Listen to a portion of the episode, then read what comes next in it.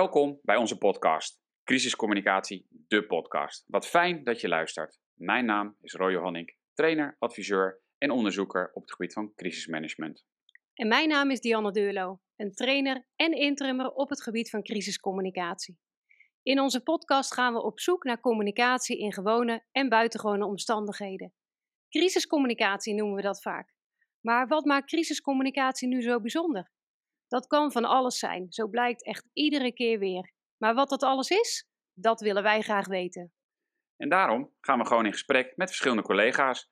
En we hebben van deze gesprekken geleerd. En we hopen ook dat jullie dat doen. Vergeet je dus niet te abonneren op deze podcast. Veel luister en leerplezier.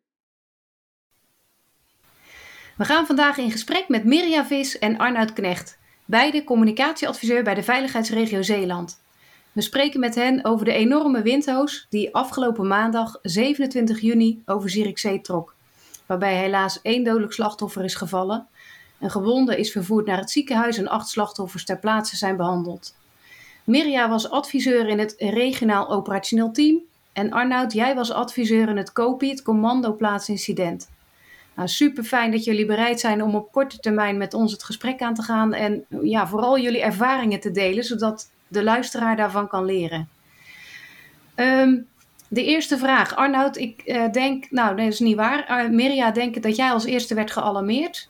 Um, wat dacht je toen jouw page ging met de alarmering? Nou, het was eigenlijk wel heel, uh, heel apart, want wij zaten gewoon in de weekbriefing. We hebben elke maandag, uh, een bepaald tijdstip, hebben wij een weekbriefing met iedereen die piket heeft. En midden in, dat, in die briefing uh, startte het, omdat de CACO, de, de, de calamiteitencoördinator van de meldkamer, zei van nou, er is echt iets aan de hand in Zierikzee.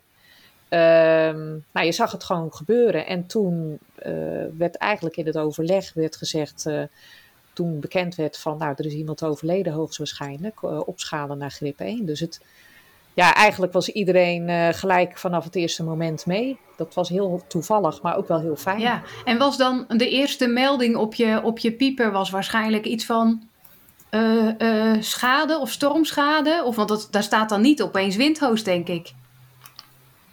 Nee, dat is eigenlijk wel een hele goede vraag. Stormschade. Ja. Uh, oh, wacht even. Nee, de, ja, nee stormschade stond op, uh, op de pager bij grip 1 en later bij grip 2. nou ja, dan is er natuurlijk een duidelijker ja. beeld.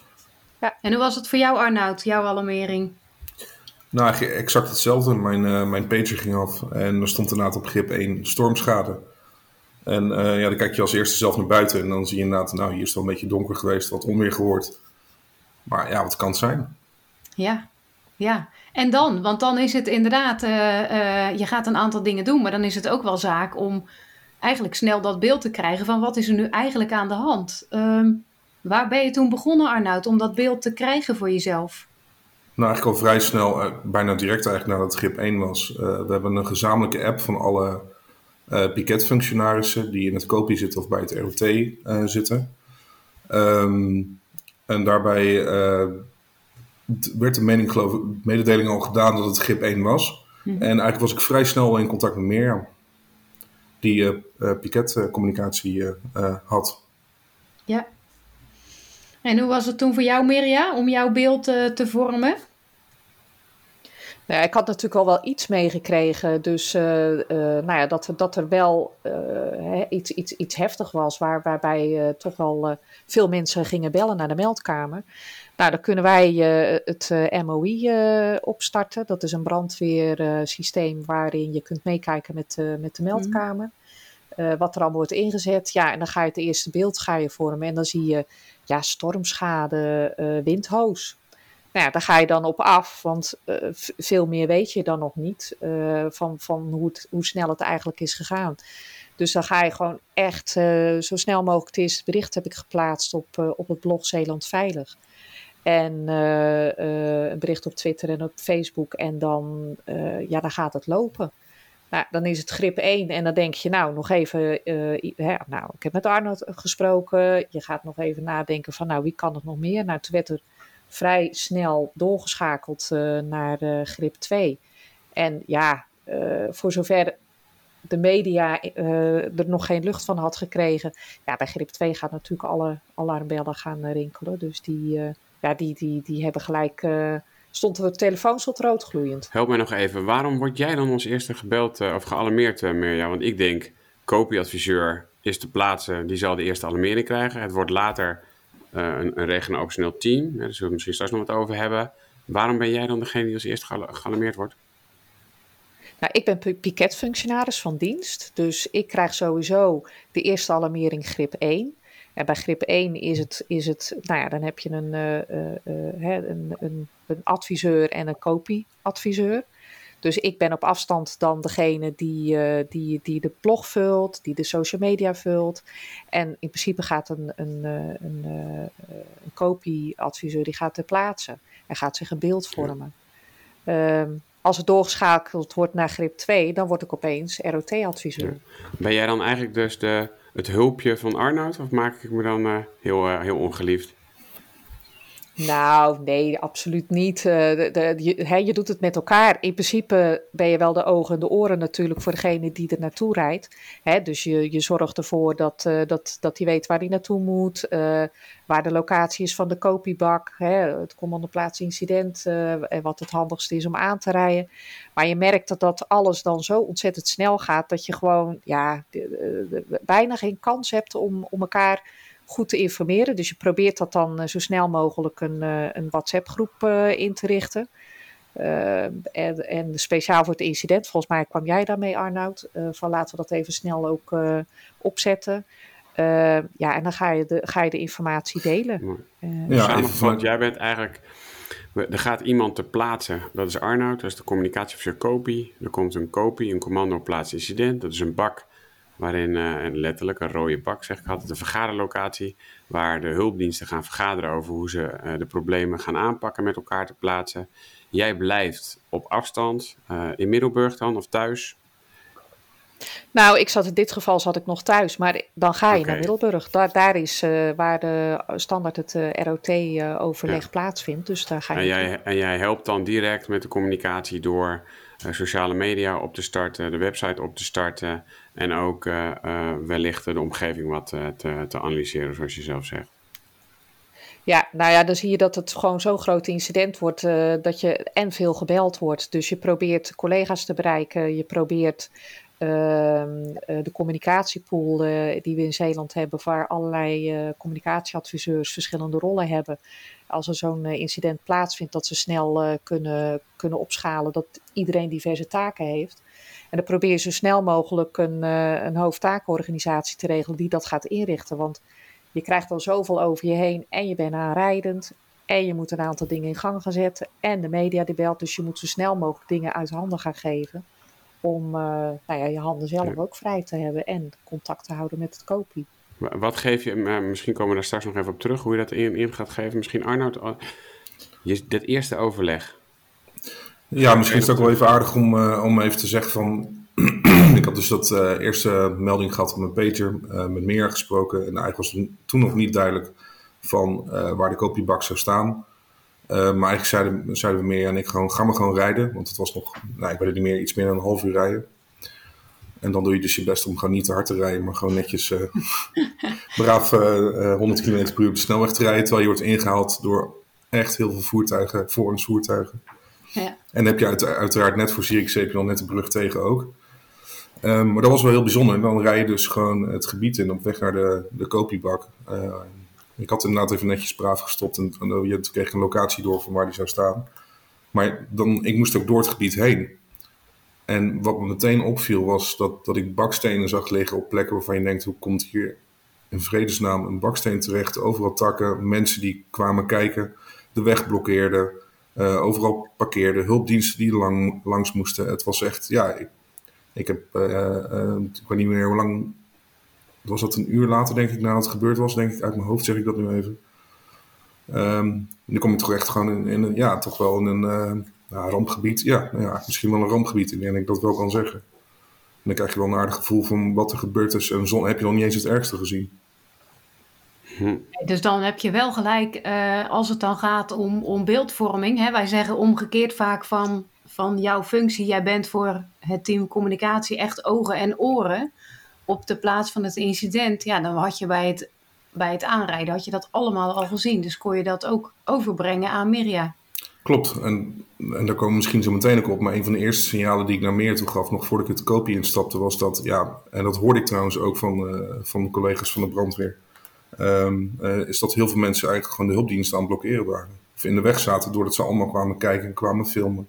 Ik heb ja. zoveel auto's gezien waarbij mensen die aan het autorijden waren, gewoon met een telefoon aan hun hand uh, aan het filmen waren aan alle tiende brandweerwagens die daar opgesteld stonden, of weet ik veel veel te waren.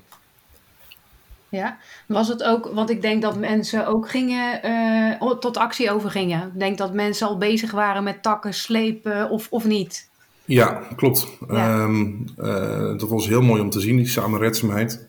Uh, dat maakte de boel ook wel weer ingewikkelder, want van alle kanten vlogen aannemers naar Zierikzee toe. Om gewoon om mensen te helpen, maar ook buren die elkaar hielpen. En, ehm, dus dus uh, al die mensen die naar Zierikzee Centrum, naar het getroffen gebied toe gingen, zaten ook mensen met goede intenties. Uh, maar er zaten ook mensen tussen, ja, met uh, mijn ogen mindere intenties. Mm hey, en dan ga je naar dat eerste kopieoverleg. Het was jouw allereerste, volgens mij, hè? Je hebt je oefeningen gehad, maar dit was de echte allereerste grip voor jou? Uh, in mijn rol inderdaad wel, ja. Ja, ja. en dan, dan ga je naar dat eerste overleg. Had je dan voor jezelf al voorbereid van, oké, okay, um, ik, ik, ik, weet wat ik daar ga doen in het overleg, wat ik ga brengen, maar ook wat ik ga halen? Of, of klinkt dat mooi op papier, maar lukte dat gewoon niet? Um, ja, eigenlijk wel heel duidelijk. Uh, maar dat komt er ook omdat hoe wij het georganiseerd hebben. En uh, ja, mijn ogen werkt het gewoon. Heel veel werk wordt al afgevangen door de taken die Mea en de andere collega's eigenlijk al invulden.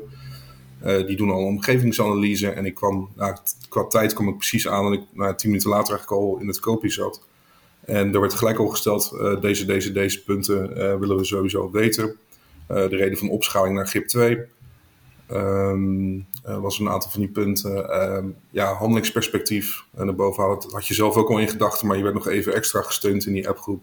En tijdens het kopieoverleg kon je zelf ook al heel vlug even via een appje vlug al dingetjes uitzetten. Oké. Okay. Was je voor je in het eerste overleg meteen scherp op wat zijn de doelen die ik wil hier behalen met communicatie? Ja, ja. Ik ging er ook heel relaxed naartoe. Mooi. En... Eerlijk gezegd. Ja, gezonde spanning, maar ik, ging, ik zat er, ja, ik was niet bang voor mijn rol, zeg maar. En wat, uh, na zo'n eerste overleg, dan ga je naar buiten. En wat is dan het doel wat je wil behalen en hoe doe je dat? Nou, vanuit um, een andere collega van ons, uh, die deed perswoordvoering. En die werd helemaal plat gebeld. Die was met één journalist aan de telefoon, had hij weer vijf gemiste oproepen. Dat is hoe wij ons systeem hebben ingericht. En uh, er waren heel veel journalisten eigenlijk op zoek naar een allereerste statement. Net bij de, ook rond de kopiebak. En ik stapte uit die kopiebak. Ik denk, nou, hier staan ze dan. Niemand gevonden.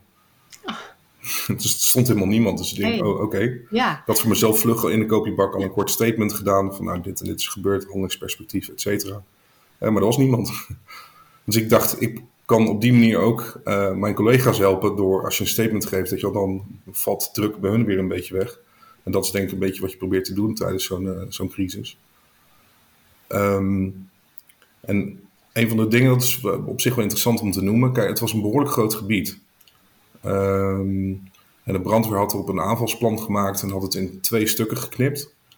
Uh, waar dan twee, als ik het goed zeg, pelotons pak me even niet op die bewoording. Mm -hmm. um, maar er werd, er werd, een verdeling gemaakt over hoe ze het konden aanpakken. Want um, je kon wel aan de meldingen zien van wat het spoor was van de uh, windhoos. Maar wist toch niet overal waar de schade was. En de schade werd ondertussen ook hersteld. Ook bij sommige mensen, ook door aannemers. Of ze deden zelf wat ze begonnen op te ruimen. Dus het was heel moeilijk om te zien waar nu de schade was. Maar er was ook nog steeds dreiging van vallende uh, dakpannen. Dat heeft bijna de hele middag heeft dat nog geduurd voordat dat goed in beeld was ja, de brandweer, uh, uh, dat zijn mannen en vrouwen die gewoon gelijk een uh, hand uit de mouwen steken. Die beginnen gewoon, oh, hier is een probleem, gaan we nu oplossen. Daar is een probleem, gaan we nu oplossen. En zo ging het eigenlijk de hele tijd door. Maar daardoor duurde het wel heel lang voordat we gewoon een, een goed beeld hadden van, qua prioritering, zeg maar, een soort triage van waar moeten we nu mee bezig zijn. Hm? En, en... Ja. Ja, Dion?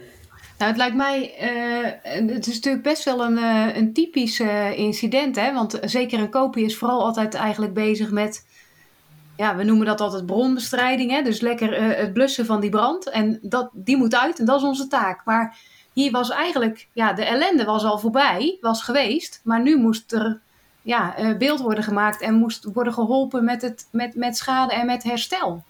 Dus dat is heel anders eigenlijk.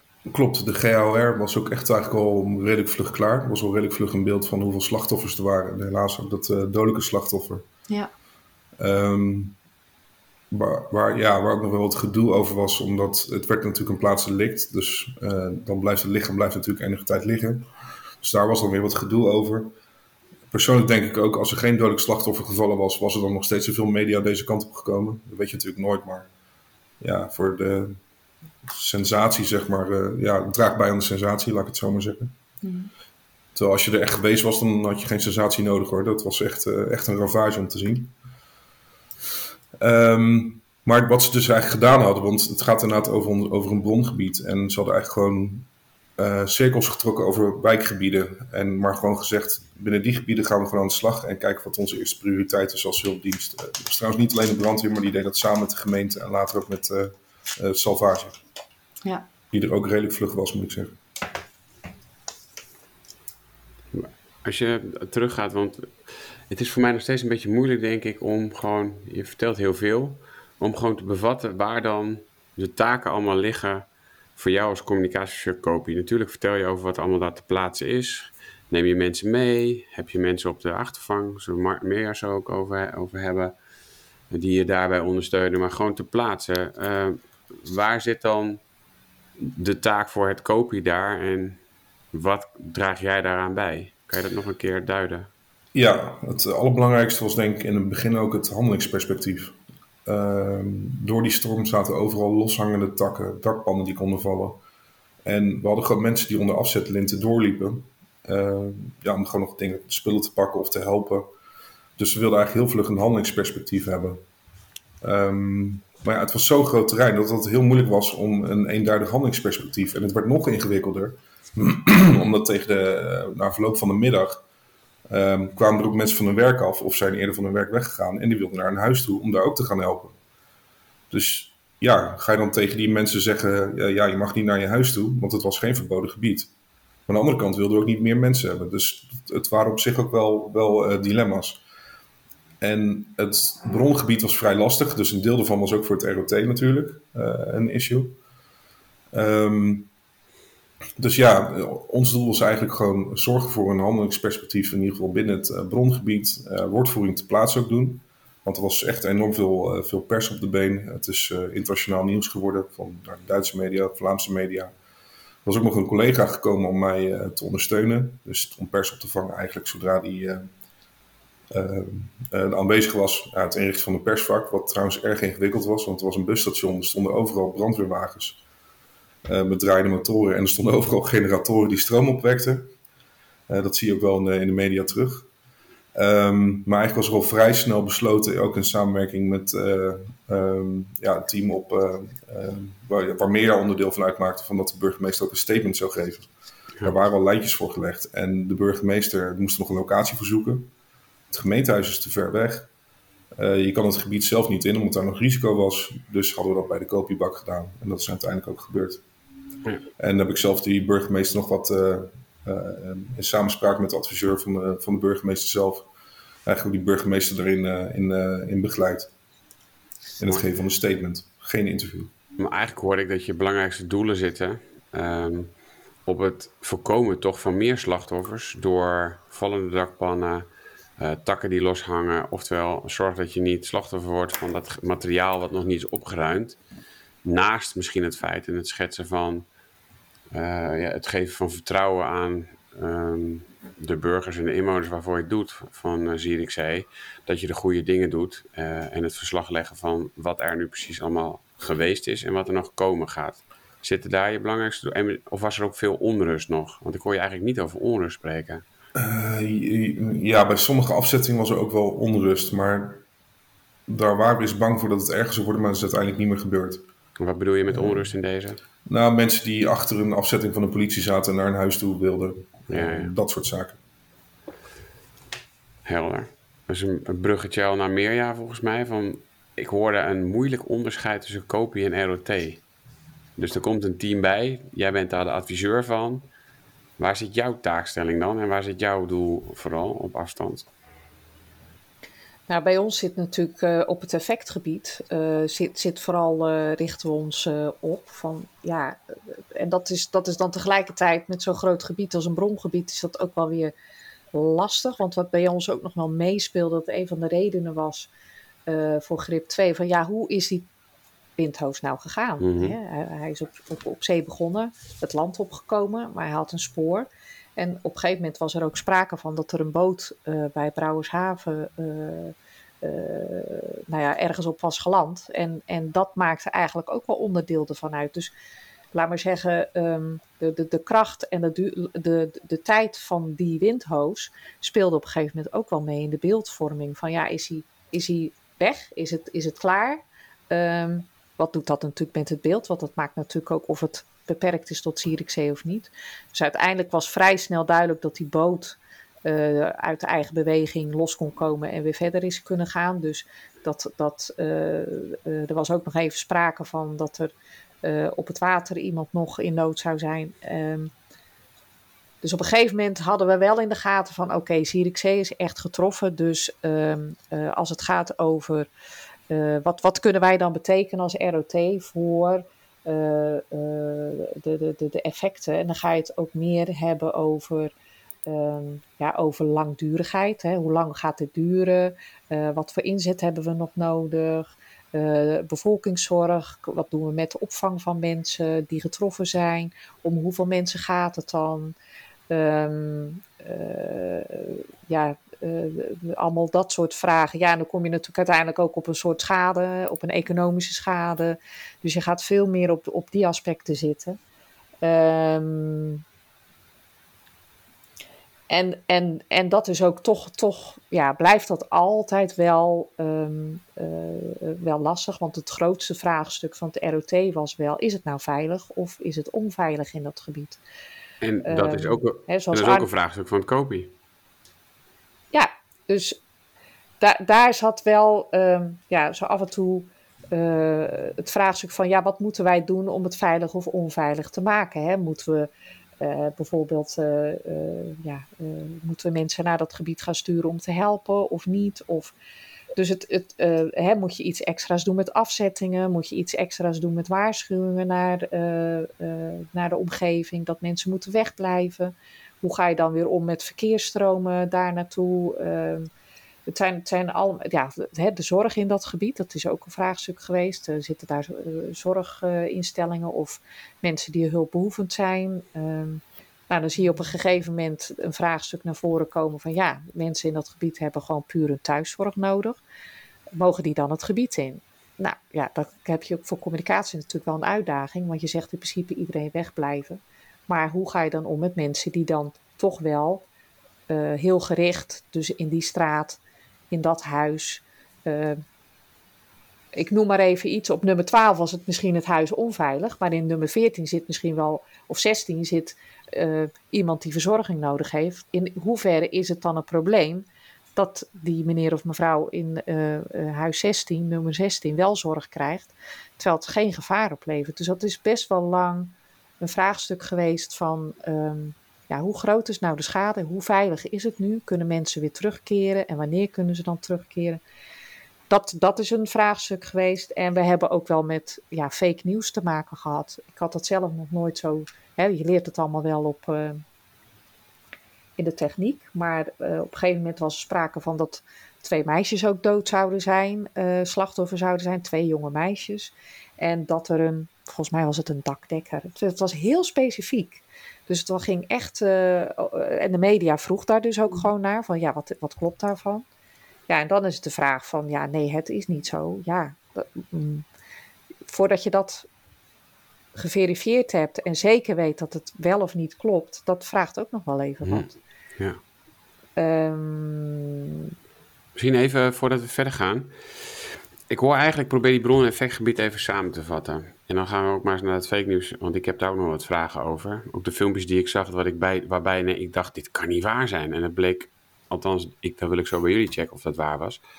Ehm, ik hoor eigenlijk, hoe groot was het brongebied nu? Want daar heb ik nog steeds niet gehoord. Wat heb je dan als brongebied gekaderd, uh, Arnoud? Heel Zierikzee? Nee, nee, ze hadden echt op een uh, geplot in, in LCMS. Ja, ik heb het plaatje even nu niet voor me, maar in LCMS hadden ze eigenlijk twee locaties geplot. Mm -hmm. zoals Meer net zei, die windhoos kwam van over het water, trok via de haven een stukje van de oude binnenstad mee door naar een volkswijk. En zo is het eigenlijk gegaan. Ik zag dat plaatje volgens mij in de persconferentie. Want in de, in de dag later de persconferentie hebben ze dat plaatje gewoon gebruikt, zag ik. Correct. Vond ik wel uh, mooi dat dat gedaan werd. Mooi, hè? Ja, tussen haar. Ja. ja. Communicatief interessant, ja. ja. maar um, uh, het brongebied is dan dat. Dan zijn alle problemen en communicatief in dat brongebied voor de acuutheid en voor de dag van vandaag voor jou. En voor de dag na vandaag voor Meerjaar hoor ik. En alle problemen buiten het brongebied ook voor Meerjaar. Klopt dat? Ja, samen met andere partners. Hè? Dus ook ja, de, gemeente, ja, zeker, ja, uiteraard. De gemeente was ook heel erg betrokken. En, ja, want ik ben een beetje aan het zoeken en ik heb deze worsteling wel eerder gezien, maar ik hoor eigenlijk de acuutheid uh, op de incidentbestrijding ligt bij de COPI, maar het ROT bemoeit zich gewoon in één keer in het COPI. En dat, dat kan, maar dan moet het gaan over de dag na morgen of het probleem na morgen. Dan kan je die ondersteuning leveren omdat zij blijkbaar ook dezelfde vraagstuk hebben, namelijk is het veilig? Want als mensen op lange termijn weer naar huis moeten, moet ik die keuze maken. Maar de keuze of het veilig is, die ligt volgens mij gewoon bij jou in het kopie, Arnoud. Uh, ja, die hoort bij het kopie. Ja. Juist. Nee, dan heb ik hem scherp. Dus eigenlijk, eigenlijk zitten er twee teams in hetzelfde gebied te werken, maar vanuit een andere mindset en vanuit een andere communicatieve waarde. Nu, hier en uh, daar en morgen. Misschien, nou, misschien is dat hem wel. Hier en nu, kopie, daar en morgen uh, het ROT. Ik zie, ja. meer, ik zie jou knikken meer, ja. Dat ziet iedereen niet natuurlijk. Nee, nee, nee, nee, maar ik denk dat je dat goed okay. samengevat hebt. Okay. En misschien is dat inderdaad ook wel een, uh, een goede. Uh, wat zeg jij? Ezelsbrug? ezelsbruggetje, ja. Ik weet niet of je dat ook. Ja, een ja. E beetje, een ezelsbruggetje. Ja, ja. oké. Okay. Uh, Dianne, wil jij nou vragen of mag ik dat fake nieuws?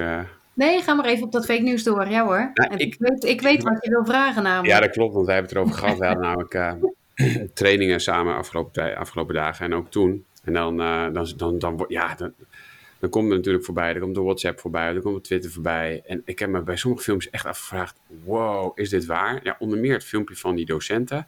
Ik dacht in het begin, dit is gewoon niet waar. Dat kan gewoon niet waar wezen dat een docent dat doet. Nou ja, Volgens mij was het zelfs op Jeugdjournaal, of in ieder geval mijn kinderen wisten ervan. En die zeiden, nee, is waar op pap. Maar dat een rare juf, hè? En toen dacht ik, wow. En, toen, en nu geef je zelf ook nog twee voorbeelden. Um, ja, hoe ga je daarmee om en bij wie beleg je dat?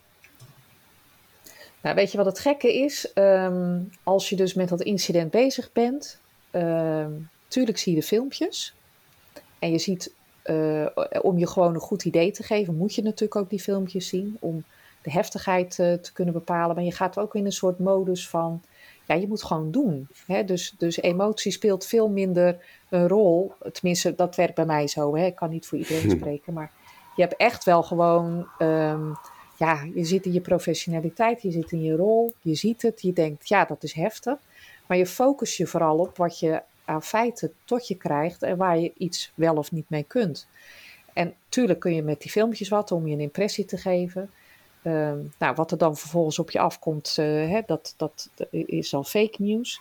En om nog even door te gaan van wanneer krijg je pas echt in de gaten dat het, dat het echt, echt heftig was. Dat was pas avonds dat ik zat te wachten op het laatste kopie en dat ik op Facebook ging, eens ging kijken naar van, goh, wat is er nou eigenlijk vandaag? En ik zag een pagina en daar zaten alle filmpjes onder. En toen dacht ik, wow, dit is toch wel echt heel heftig. Dan zie je van alles vliegen en doen en zo. En... Uh, Kijk, en uit je omgevingsanalyse is verder ook niet uh, in dat opzicht qua fake filmpjes van goh, klopt dit of klopt dit niet. Daar, komt, daar kwam in ieder geval in dit incident niks naar voren. Behalve dan um, dat, nou ja, dat kwam zelfs niet in omgevingsanalyse naar voren, maar dat media ons vertelde. Uh, twee jonge meisjes zijn, getroffen, zijn erbij betrokken, die zijn uh, getroffen. En een, een dakdekker. En dat was wel heel wij verbaasden ons er ook over van god, dit is wel heel specifiek, want er werd een leeftijd genoemd. Dat, dat het, dat het twee vriendinnen waren. En bij die dakdekken was het ook vrij specifiek. Dus dan denk je wel van, hm, wat raar. Dus je gaat naar je omgevingsanalyse kijken. Nou, er komt niks uit. Je gaat het verifiëren in het ROT. Uh, uh, nou ja, hebben, hebben jullie toevallig ook iets meegekregen? Uh, nou, je checkt nog even bij ter plaatse. Hebben jullie iets gehoord? Nou, en dan het enige wat je dan kunt doen is zeggen van, hè, van ja, klopt het, klopt het. Kun je zeggen, ja, wij horen het ook. we hebben het gecheckt, we hebben het geverifieerd, maar uit onze bronnen uh, ter plekke en, en om ons heen, uh, ziekenhuizen of GAOR, die daar misschien iets van weet, horen wij het niet. Dus we kunnen het niet bevestigen dat het zo is. Dus volgens onze informatie ja, uh, gaan we ervan uit dat het niet klopt. Mooi. En dan die school, hoe, hoe heb je dat gecheckt? Is het waar of niet waar? Nou, het, het, het, het, die school heeft eigenlijk uh, tijdens het incident heeft die school, dus die juf uh, op school heeft geen rol gespeeld. Die, dat filmpje heb ik de volgende dag. Uh, s ochtends zat, ik, zat ik alles nog eens te scannen. Toen kwam die naar voren. Um, en toen dacht ik, in eerste instantie dacht ik, hmm, dit is wel heel bijzonder. En toen las ik vervolgens een artikel van de PZC, dat is de lokale krant in, in Zeeland. Die heeft er dus onderzoek naar gedaan, die heeft die mevrouw gesproken en die heeft gezegd van ja, wat klopt hier nu van? En toen zei, toen werd, toen zei de, de juffrouw, die zei ja, het zit anders in elkaar. Uh, wij hebben uh, wel vaker dat de, de, de, de, de, stem die zegt zoiets van moeten we naar binnen. waarop zij zegt straks dat die jongen die, dat wel vaker zegt. En um, ja, dat dat daarop haar reactie was. Dus ze hebben het wel keurig netjes. Ik vond het wel netjes dat de PZC het heeft uitgezocht en daar een artikel aan heeft gewijd. Ja, wat je er vervolgens van vindt, van het antwoord en van uh, de reactie, ja, dat laat ik even in het midden, want ja, uh, ik weet het niet. Zij heeft in ieder geval heel veel steun gekregen van, uh, van ouders op school die het volste vertrouwen in haar hadden. maar als je er naar kijkt, denk je echt van, hè? Het zag bijzonder. En toen realiseerde ik me wel op een gegeven moment, want dan zit je ernaar te kijken. Maar ik denk dat na alle filmpjes, wat Arnoud er straks ook zei, dat mensen dus hele gekke uh, dingen doen hè, uh, om te gaan filmen. Uh, rijdend, stilstaand, risico's nemend. Um, maar ook dat je je dan tegelijkertijd vroeg ik me bij dat filmpje specifiek op die school ook af. Maar heb je ook wel echt in de gaten? Zou ik het in de gaten hebben als ik daar stond? En het zo zag gebeuren, is dit echt? Hè? Ook al is het echt, maar het heeft zo'n buitenwereldse, uh, niet, niet voorkomend in Nederland, alleen maar in Amerika, waar wij de tornado's kennen. Dat effect. Ja. En, nou, toevallig, uh, een, een, de, de man van een goede vriendin van me werkt in Zierikzee. En die, het was rond lunchtijd een beetje. Hè? Dus die, die was zijn dagelijkse lunchwandeling aan het maken. En ja, die, die bleef toch buiten lopen en het allemaal filmen. En ik, ik, eigenlijk, ik begrijp dat wel. Want je denkt gewoon, denk ik zelf niet dat het heel heftig is. Ik denk dat je toch al snel denkt, het zal wel meevallen. Dat, dat, ja, ja, maar ik, ik, ja. klopt. Ik, ik, denk, ik, ik, ik, heb, ik vraag me dan ook zelf heel erg af, van wat had ik gedaan als ik daar liep? Zou ik dan hetzelfde gereageerd hebben? Uh, ik ben niet zo gauw zo'n filmer, maar goed, hè, social media werkt uh, tegenwoordig zo, hè, de online... Uh, alles uh, en iedereen wordt gefilmd. Maar ook al was ik daar gewoon aan mijn lunch een rondje gaan lopen, had ik dan ook zoiets gehad van: volgens mij moet ik hier niet zijn. Ja.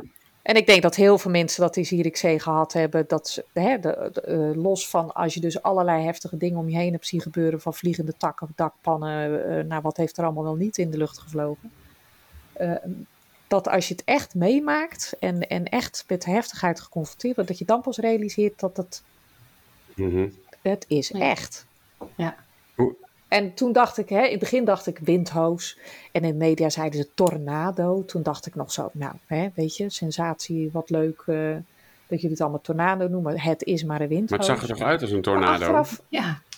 ja. Nou, precies. Achteraf dacht ik, ja, het zag er ook inderdaad uit Maar als kun, een kunnen tornado. jullie Dus- maar uitleggen wat het verschil is tussen een windhoos en een tornado dan? Ik weet het niet. Ik niet hoor. Er De windhoos is denk ik... De windhoos zou ik zeggen is horizontaal. Blaast die, zie je een horizontaal lijntje. Een tornado denk ik aan iets wat ronddraait. Weet je wel, mijn gevoel, windhoos is iets wat een soort horizontaal iets is. En een tornado is iets wat draait. Ik heb echt geen idee. Het is exact hetzelfde. Ja, Nee. nou ja, Ja. weet je, het, het is misschien ook in de bewoording. Windhoos heeft, heeft iets, iets, nou, ik zeg het even heel eh, Ja, verzachtend. ja. Eh, eh, het valt Ja. wel mee. En zo is het bij ons echt niet bedoeld om in de eerste communicatie van hè, we willen het verzachten, er is niks Mhm. aan de hand. Absoluut niet. Een windhoos is gewoon een windhoos. Maar later dacht ik van, nou ja, ehm, als wij het fenomeen tornado echt frequent in Nederland zouden kennen, zou ik ook zeggen, ja, dit is gewoon Ja. een tornado in al zijn heftigheid. Ja, dat was wel een van de Ja. dingen die ik opgezocht had. Van, ik, ik zag ook het woord tornado voorbij komen. Wat is nou het verschil? Dus, ik moet wel zeggen, het is Google-kennis. Dus, eh, eh, maar een tornado komt inderdaad, zoals net gezegd, eh, uit Amerika. Dat is de bewoording Ja. voor een eh, windhoos in Amerika. Ja. Dat, dat is echt het enige verschil. Hey, ook, ik ben nog steeds wel benieuwd naar hoe je de. Er wordt dus opgeschaald, terug naar het begin. Arnold is aan het werk, Meer is aan het werk. Jullie verdelen taken tussen elkaar. Je belt met een hoofdcommunicatie die, die je ondersteunt. Wie waren er allemaal nog meer en wat deden zij bij dit incident? Zal ik, eh, nou, als je, hè, je hebt eh, de communicatieadviseur in het ROT. Het liefst wil je natuurlijk bij zo'n grip 2 en zo'n incident een volle communicatiepool hebben. Ehm, maar dat is in Zeeland zo geregeld met vrije instroom. Dus je bent afhankelijk van eh, de mensen die zich daarvoor melden op dat moment. Eh, dus wij hadden op een gegeven moment een eh, omgevingsanalist eh, op afstand. En dat werkt gewoon verder prima. Hè? Dat kun je ook prima op afstand doen. We hadden iemand die de website vulde en een LCMS vulde. We hadden iemand die de pers deed en publieksvoorlichting. Dat was ook. Eh, ja, en dan zie je gewoon dat je met een klein team gewoon heel veel kunt doen. Je hebt allemaal wel dubbel rollen en dubbel functies. Maar dat je met een klein team gewoon echt best wel ver komt. Het is heel hectisch, het is heel veel. Maar als je dus goed op elkaar ingespeeld bent, je zit bij elkaar, dan kom je gewoon echt wel een heel eind.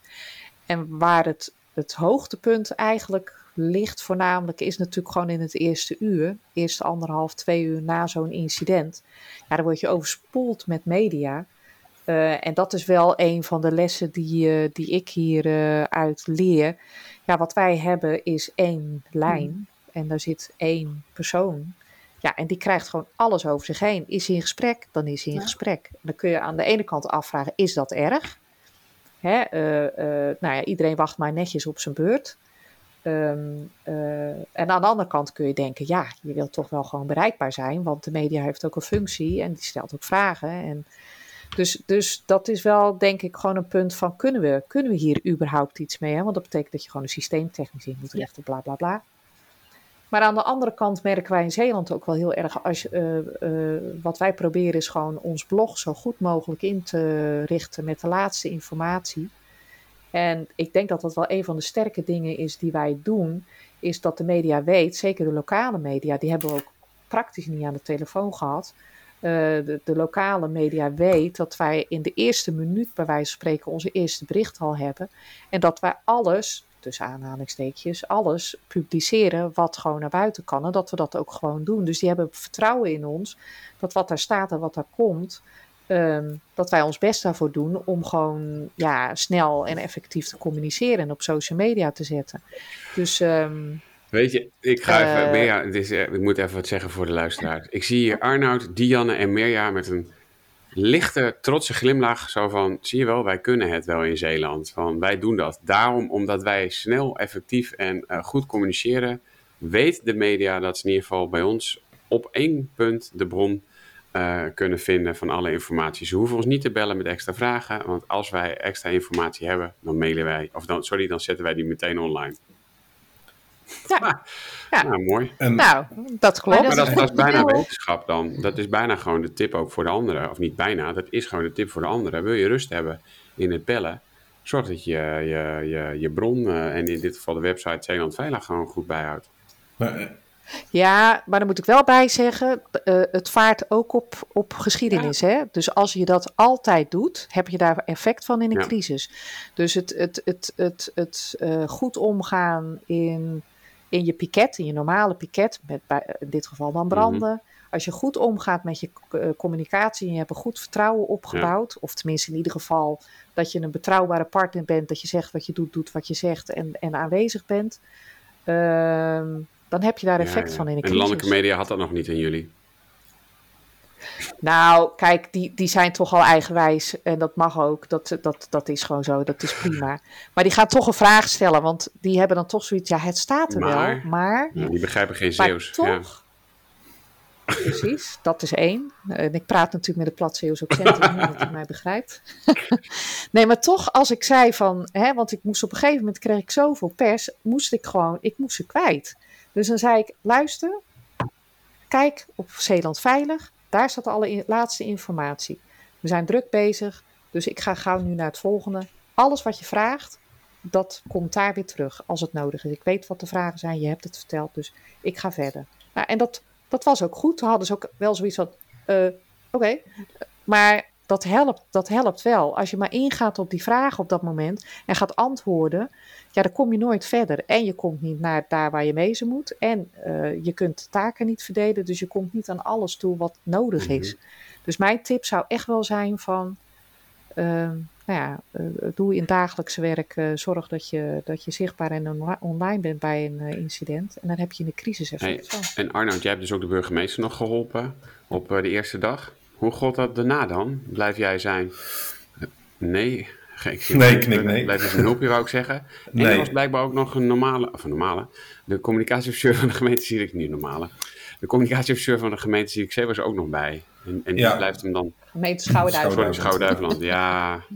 Ja, die was uh, met de burgemeester op pad. De burgemeester was ook op de fiets. Um, we hadden eigenlijk gewoon heel duidelijk binnen ons team, dus het crisis communicatieteam, hadden afgesproken: oké, uh, het is gewoon heel goed om nu een statement, om de mediadruk ook te verlagen. Aan de ene kant. En natuurlijk om mensen van informatie te zien. Want ze uh, dachten van het is nu tijd om een statement uh, van de burgemeester te doen. Dus geen interview, dus geen vragen.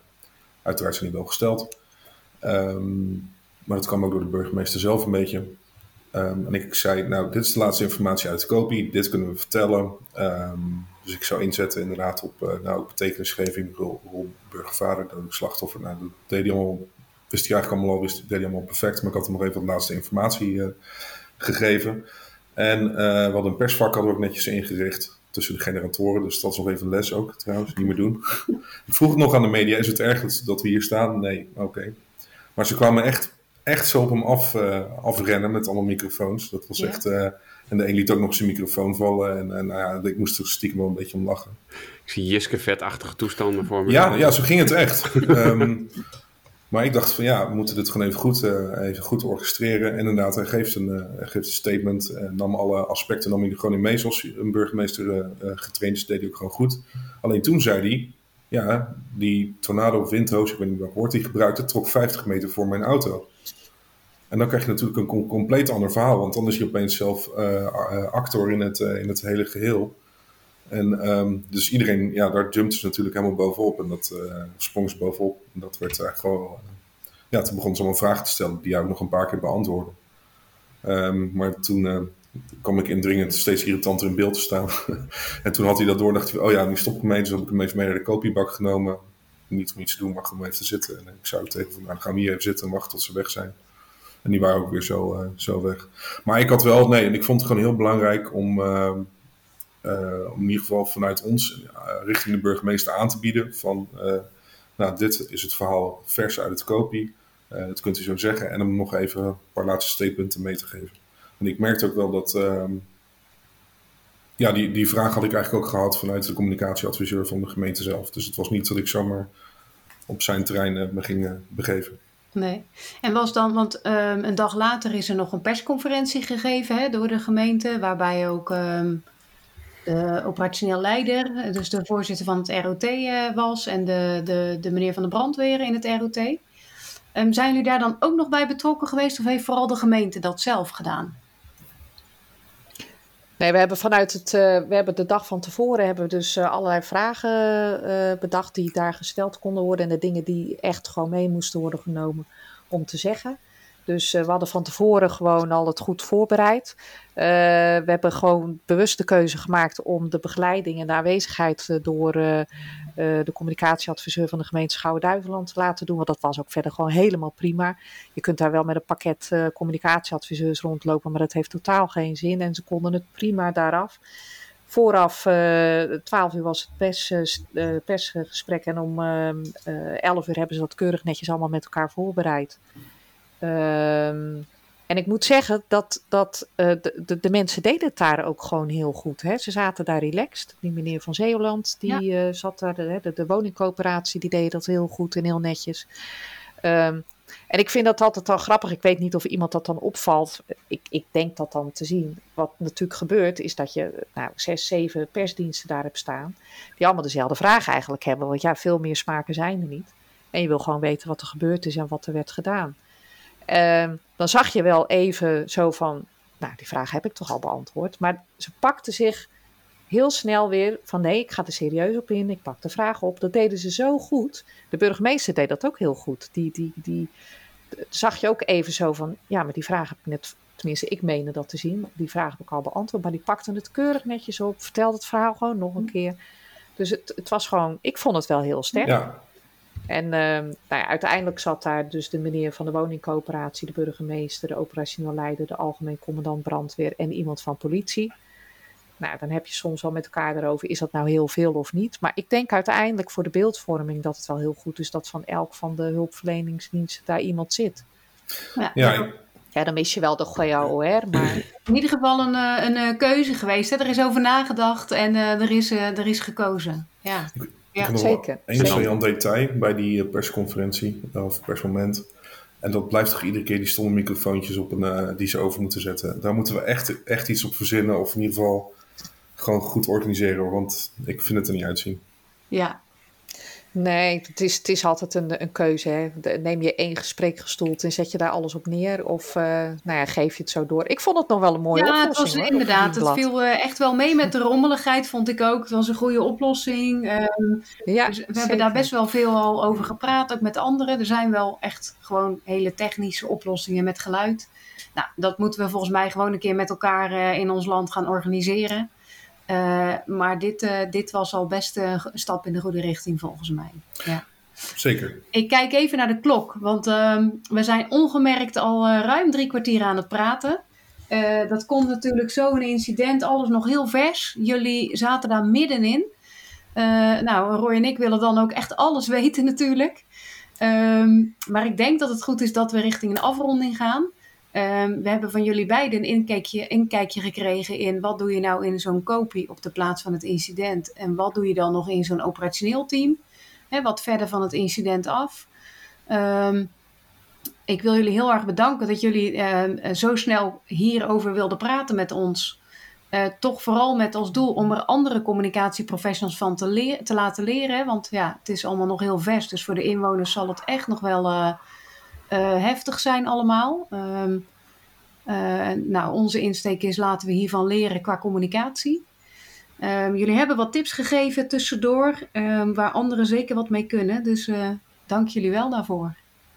Graag gedaan. Ja, graag gedaan. Bedankt voor het luisteren.